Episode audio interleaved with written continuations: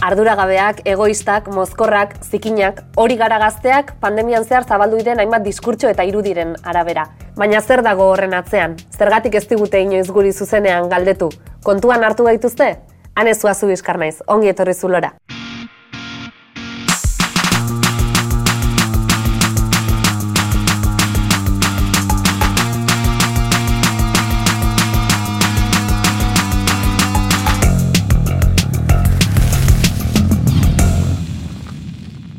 Gaur zuloran gaude Pablo Sa eta Iruane, Ane Peñagarikano, Ane Sainz Espiga eta Neroni.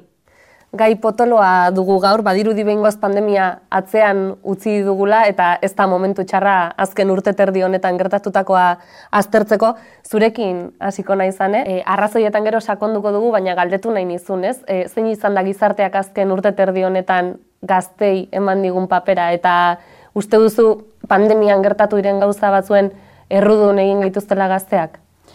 Bai, bai uste dut errudun bihurtu gaituztega, e, esaten ziguten gura mamak e, ibar genitu ega, ateratzen ginegako, desfasatu batzu ginegako, eta eta realitatean ikuste dut dela, ba, guri e, jarri digute ardura individuala, ba, botere posizioetan zegoen jendeak e, zeukanean, guk baino ardura askoz gehiago pandemia guztionen gestioan, eta eta egoera honen gestioan.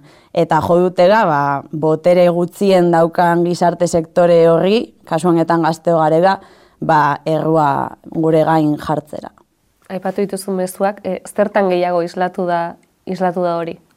Bueno, nik uste dut e, ba, hori guztia zera e, nolabait mekanismo bat ba, benetan potoak ziren gai batzuk albo batera usteko, zirela bizi genuen egoera pandemia garai batean, non e, gure prekarizazio egoera zen oso oso gogorra, e, gure harremanak oso mugatuak izan diren, e, ez dakit izan ditugu imitazio pila bat gure, gure izaera garatzeko, gure e, binkuak eraikitzeko, eta bueno, mm, hori guztia ez da mai gainean egon, eta, eta mai gainean egon dena izan da, ba, gure irudi bat salduna izan digutena esena esena benetan horrela, ezta.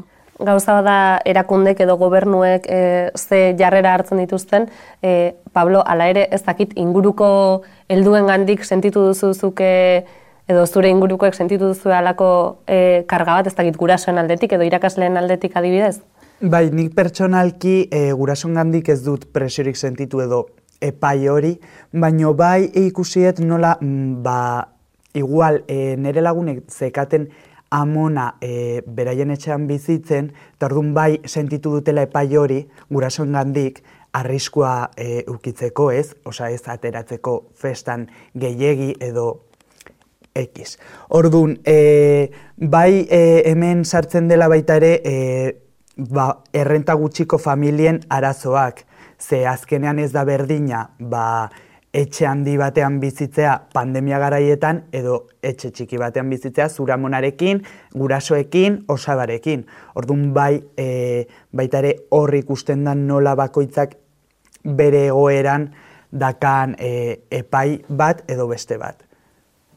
Hanezu medikuntza ikaslea zara eta gertutik bizi izan duzu ospitaletako egoera uste duzu e, justifikatuta egon dela e, gazteen ganako mezu hori e, osasun egoera eta bar kontuan hartuta? Bueno, nei iruditzen zait alde batetikan bi marko oso ezberdin diala bat en, zen izan den bizi izan duen osasun egoera eta beste bat zertarako baliatu dan osasun egoera hori. Ta, mo, nire iritzez behintzat, en, gaztiai jarri zaien etiketa arduragabe hori gehiago izan da bigarren markoan parte bat. En, justifikatuta egon golitzaken arduragabe hitza, en, konotazio gabe momentuan, nik uste erabakiak hartzeko eskumena eman ez diguen momentutikan, arduragabe behaiek bihurtu gaituztela. Beste alde batetikan, konotazio negatibo hori eman zaio, eta Egia esan, pandemia mundial baten aurrian, gizartean horren kolektibo zaurgarria daun en, gazte kuadria bat, en, epaitzia edo esleitzia bai arduragabe en, etiketa hori horrek ekartziakan sama guztiakin da ekartzen ardura guztiakin nahi justifikatua ez zait irutzen. Gero irutzen ere bai justifikatu izateko zoze egia esan berdula. Ta en, pertsona batzuk induen o eukituen jarrera konkretu batzugatikan, zehetzait irutzen ez pertsona horiek denbora guztian erreproduzitu dituen jarrera dianikan, hori egi osotz bat, osotzat hartzia kontuan izan gabe gazteak beak eukiun kompromesu soziala eta benetan en, eukiun implikazioa hontan, nei ez zait egoki erutzen. Jarraitu horretik, eten txiki bat egingo dugu, ez dakit edateko beste zerbait nahi duzuen, edo aprobetsatu nahi duzuen komunera joateko. Hitz egin dugu gazteak errudun jotzeaz, e, beste gauza bada ea pandemian arauak eta mugak jarri dituztenean e, gazteon beharrak edo gazteon e, errealitatea kontuan e, hartu ote duten. E, zein da zuen iritzia kontuan kontuan hartu gaituzte? En, bueno, nik esango nuke esetz, Baina batik bat, en, ez dialako kontuan hartu behak dazkan, o gaztiak behak e, eukiditzazken beharrak. Ta beharroiei ez zailako irtenbide bat eman bi urte osotan.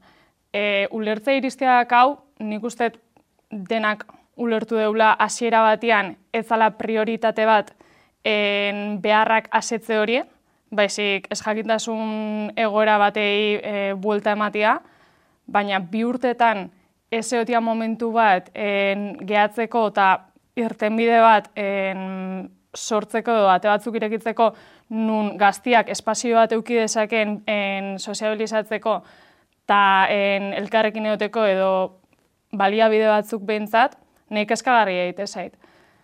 Gero en, kontuan hartu berdare bai, eskakizunak o bete beharrak bere hortan mantendu dituztela gaztian gana, da, eskola, e, lana, presio hori guztia horre onda. Ta isialdirako espazio ikan ez zaio eskaini, orduan balantza hori ez da horrekatuta gehatu. Ez dakizuek nola bizi izan duzuen hori?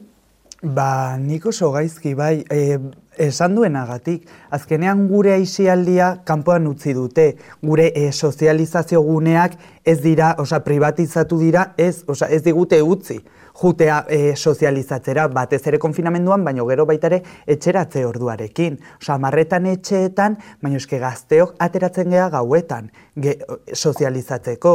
Ez ditugu e, sozializazio guneak, ez geha jungo gazteak e, gelditzera arratsaldeko seitan liburutegi batera.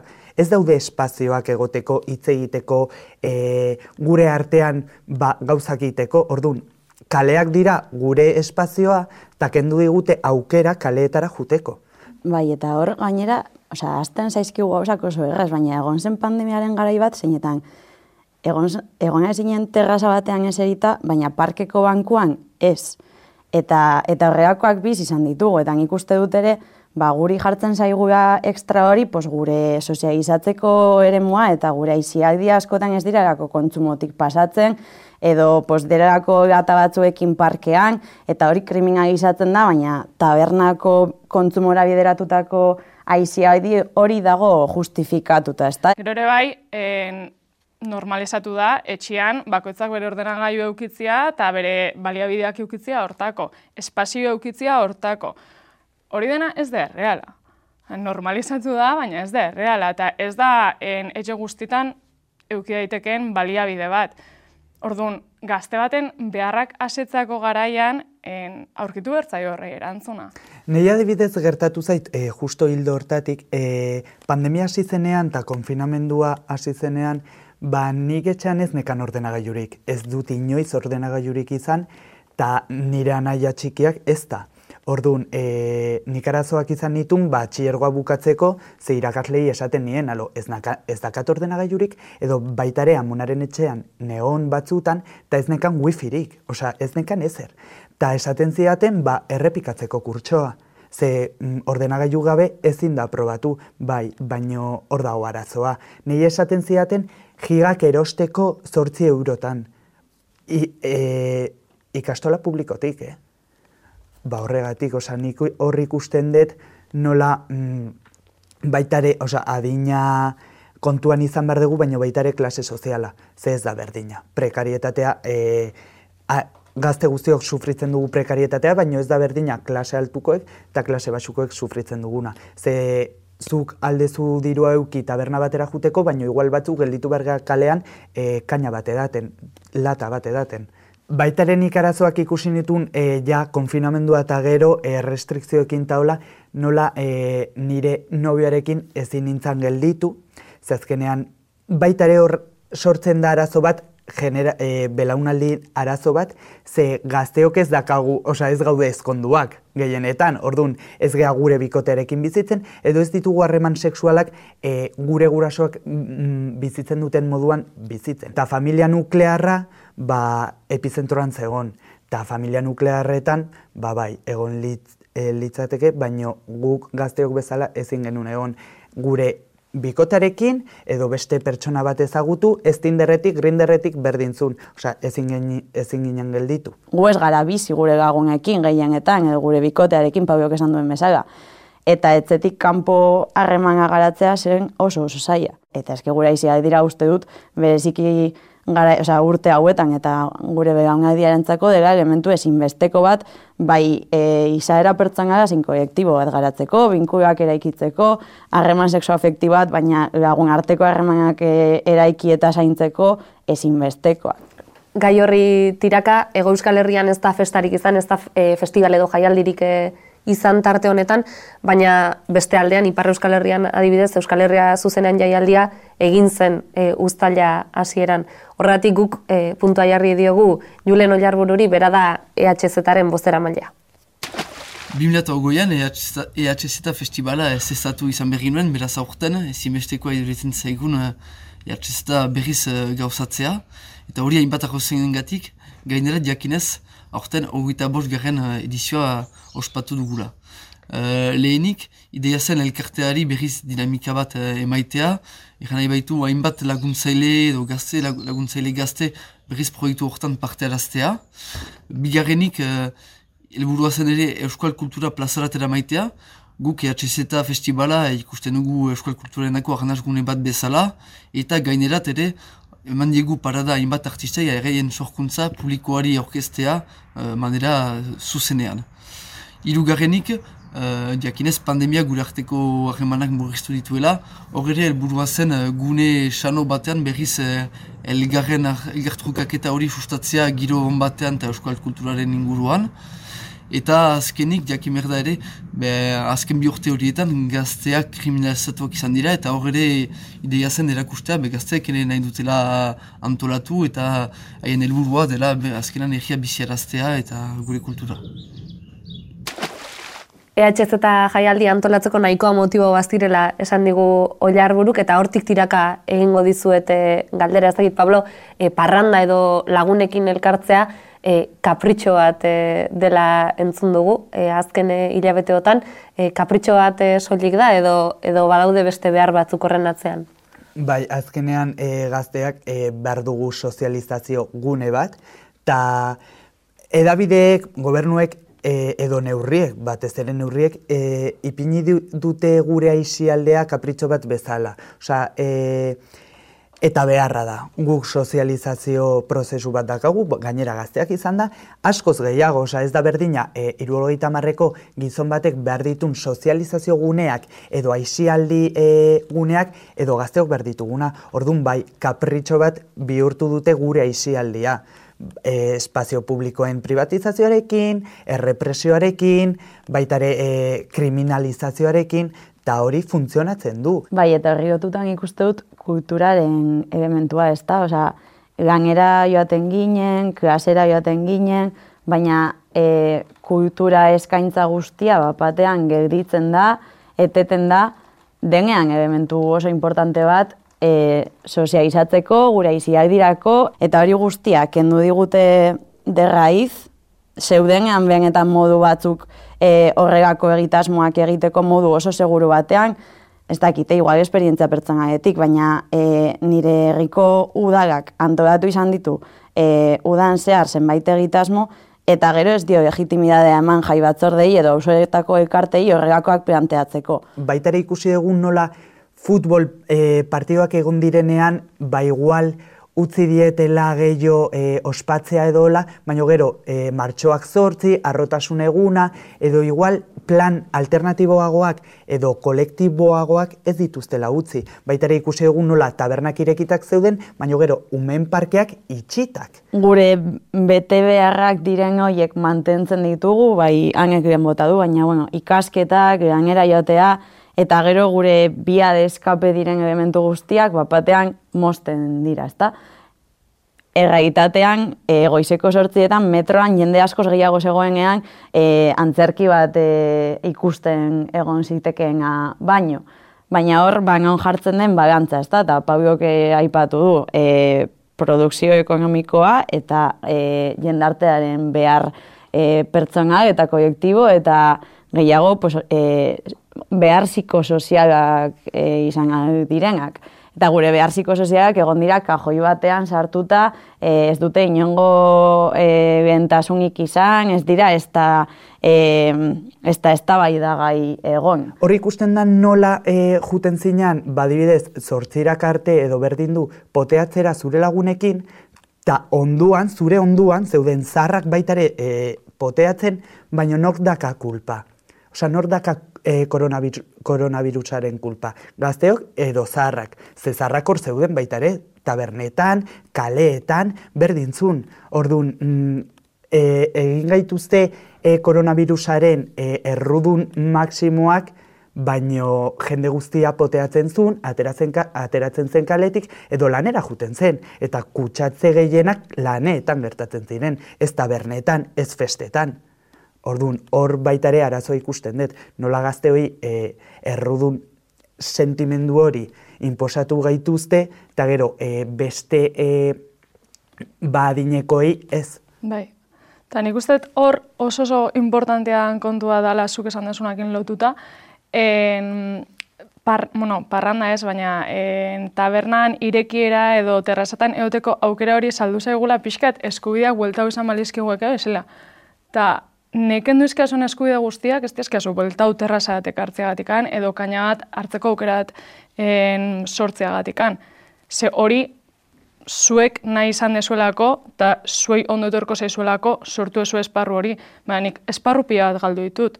Nun izan laite, e, daitezken ba, asambladak, bilguniak, e, gure identitatea garatzeko, eta guk ikasteko, zein antolatzeko, e, sortutako espazio horiek.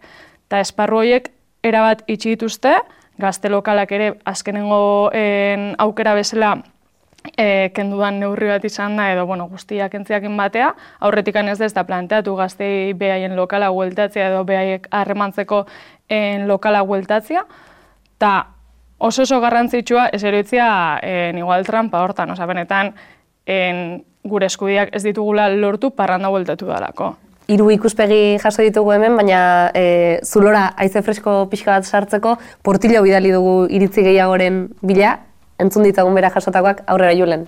Kaixo, Julen Portillo naiz eta hemen gaude zulotikat. Parrandan bakarrik pentsatzen omen du gazteak, baita pandemiaren gogornean ere. Baina parranda eta zitzeitean zoik alkolaz eta drogaz ari gara. Guazen zerbait hartzera, galdetzera.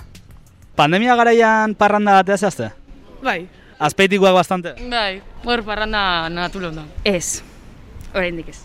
Ez errez? Ez errez. E, bai, ata naiz. Ez, ez. E, bai, binuz asko. Bai, ata egin naiz. Gero izkutatzen ginen pixkat kalian, etortzen bazen polizia, pues korrik arazten ginen, eta horrela ibili gara.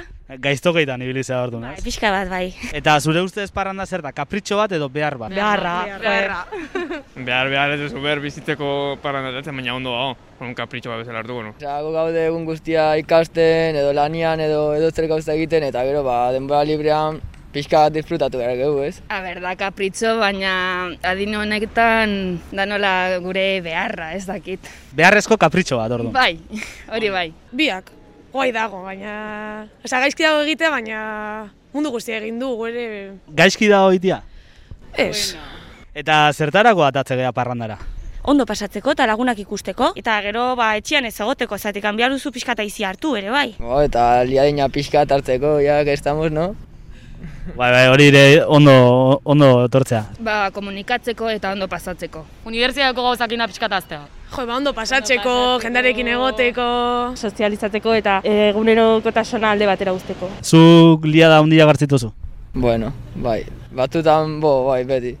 Bai, bueno, bai, nota benti. Eta gaur atako zea parrandara? Gaur ikasin berda. Responsable. Ez. Gaur ez, azterketa azkaula ja. Eta gaur parranden gozua? Bai. Ba, oso ondo pasa. Eskerrik asko. bueno, agur. Gaiaren alde delikatu bati helduko diogu orain, baina behin honi buruz hitz egiten hasita ezin dugu aipatu gabe utzi. E, ane, ez dakit, e, zergatik jarri da alako karga gazteon aizialdiaren, e, aizialdiaren gainean, edo zer, zer dago horren atzean? Nik uste dut, dela simplemente e, gai bati ematen diozunean zentralidade guztia, denean portada, denean e, TV berriaren irekierako mesu hori, ba ez duzula beste gauza batzu eta hitz egin behar. Eta ba, beste gauza batzuk, igual guk, edo uste dut, e, ados egongo garega, eskoak diren gai batzuk ez dituzu e, e, hitz egin behar, eta beraz zure arduratik, eta uste dut, e, botere posizioetan dagoen jende horrek, ardura bat daukala, erritarrok edo gazteok izan dezakeguna, baino asko handiagoa botere posizioetan egoteagatik, uste dut, ba, e, ardura horretaz ez dela hitz egiten, ez da zarantzan jartzen, ez da e, tabernako gai zentrala, tabernako gai zentrala da e, ba, egunkarietako portadetan agertzen den hori, da e, sozialki bentasunezko gai bihurtzen duten hori, eta hori poskasu honetan izan da gazteon e, jarrera pandemian, pandemian zehar. Ados daudean, eh? Bai, nik uste ez dela estrategi berri bat, ez da, pixkat estrategia hau estruktura bihurtu zaigula, eta badala modu bat, en, gauza batzuk ez badia nahi argitaratea eta itzalian utzi nahi badia, ba, fokoa beste nun jartzia.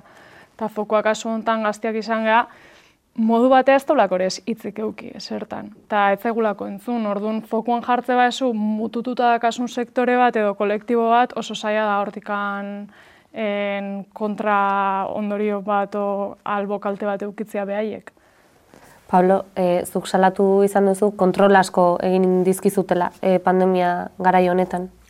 Azkenean baitare gertatzen da, hau krisi guztitan gertatzen da, e, laro markadan IESarekin gertatu zen marikekin adibidez, edo e, sektore marginalizatuetan, ez? E, esan nahet, e, gertatzen dena da, nola birusa ez dugu ikusten, bazkenean gizarteak bilatzen du errudun bat. E, errudun fisiko bat ikusten dena edo kritikatu dezakeguna, ze beharra dakagu horretarako. Ikuste dut, e, pandemia itzakia bat izan dela presentzia poliziara areagotzeko izugarri. Bereziki gauez eta bereziki boteioietan, eta ikuste dut ezin dugu inoiz normalizatu e, boteioi bat dizoi batzeko e, ba, beltzak etortzea eta eta karga bat egotea, hori ez da inoiz e, legitimoa izan eta gaur egun jarraitzen du legitimoa izan gabe, baina ikuste dut ere, pues, balio izan duela e, poesia presentzia kalean areagotzeko pila bat. Eta nigoratzen dut deskonfinamendu garaitik ona, etengabe municipalak eta ertzaintza egon dira kalean, patruia pila bat, e, zuere pues, gindoa zen maskaria ondo jarrita, e, ez daukatu datarik, ez nago eser ilegala egiten, tentzio batean e, bizi gara gaur egun, eta eske zuk diosuna, garun bat da, zaude lagunekin trago bat hartzen tabernan, ez dago inongo arazorik, dago jende pila bat, izten dute taberna eta orduan hasten da arazoa. Eta nik uste dago lotuta aipatzen egon garen arekin. Eta ngia ere pabiorekin, adibidez Bilbon, nahiko esanguratzua da, zegan desarrean presentzia polizera den ikaragarria, ikaragarria, osea, e, sartzen dira arratzadeko saspiretan ja markaje bat egiteko, gero tabernak izten direnean mundu guztiak jakin desan e, hor daudega. Baina adibidez beste espazio batzuetan, pos, indautzun edo San Mamese inguruan partidua egon denean, e, malgutasuna horregako pos, jende pilaketaretarako izan da asko handiagoa.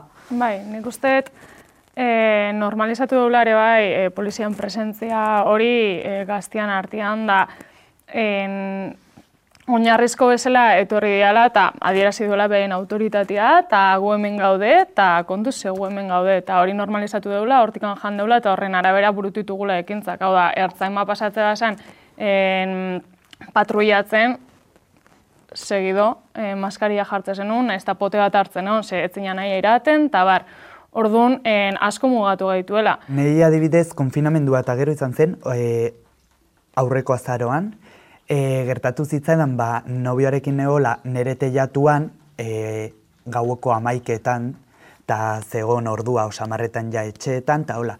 Eta bapaten agertu ziren, amabi ertzaina nere e, teilatuan esanez zertan e, genbiltzan edo, eta galdetzenea lapurketan edo zeo zer egiten botelloia egiten geundela, ez dakiz zer erregistratu gintuzten, eta ikusitzuten hor bizi ginala, ez? Ordu norbaitara ikusten da poliziaren infantilizazioa eta nola kasu oso txorrada diren kasuetan juten zirela, ba, pixka bat presioa sartzeko, beldurra baita ere, azkenean hori hor baita ere beldurra eta kriminalizazioa sartzen da, eta gero beldurra akazu etxetik ateratzeko, gauzak ez e, kumplitzeko. Hanek aipatzen zuen, agian e, gazteon gainean e, alako zama jartza erabili dela beste beste gauza batzuk e, ezkutatzeko, ez dakit okurritzen zaizuen adibiderik ez, e, zer ezkutatzeko baliatu dute den, e, fokua gazte hori jartzea? Lan baldintzak zemat jende bota duen kalea, ze baldintzetan ibilian jendia, hori ere ez da ipatu. En, oain horrek ekarri ditun ondorioak en, ba, e, krisionek ekarri ditun ondorioak ere oso oso gutxiatea dira. Oain dela gutxiatea esan artikulu bat, en, gaztiangan suizidiotasak erabat gora indula. Osasun mentala, en, kiston harrakala pilakin dabilela, ba, osakidetzan edo mendaka honen osasun erakundetan. En, depresioak, ansiedadiak, eta eta ez dira ipatzen. Azkenean baita ere prekarietatea, osea ez da agertzen gazteon prekarietatea edabideetan, ze prekarietatea, gazteon prekarietatea, krisi guztietan asko nabarmentzen da, e, lanik gabe edo lan prekarioetan ibiltzen garela, unibertsitatea edo e, zeo ze e, ordaintzeko.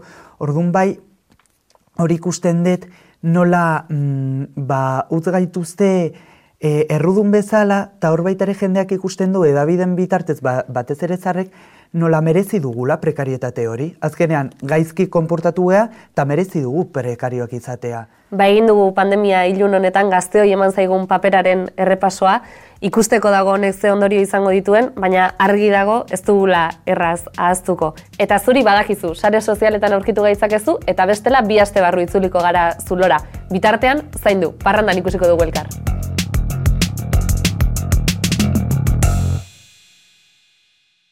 Zulora hiru damatxok EITB-rentzat ekoitziteko saioak. Ikusgai duzu eitb.eus eta gaztearen YouTube kanalean. Eta entzungai aldiz EITB podcasten. Instagram eta Twitterren ere aurkituko gaituz. Abildua Zulora Bekomarra.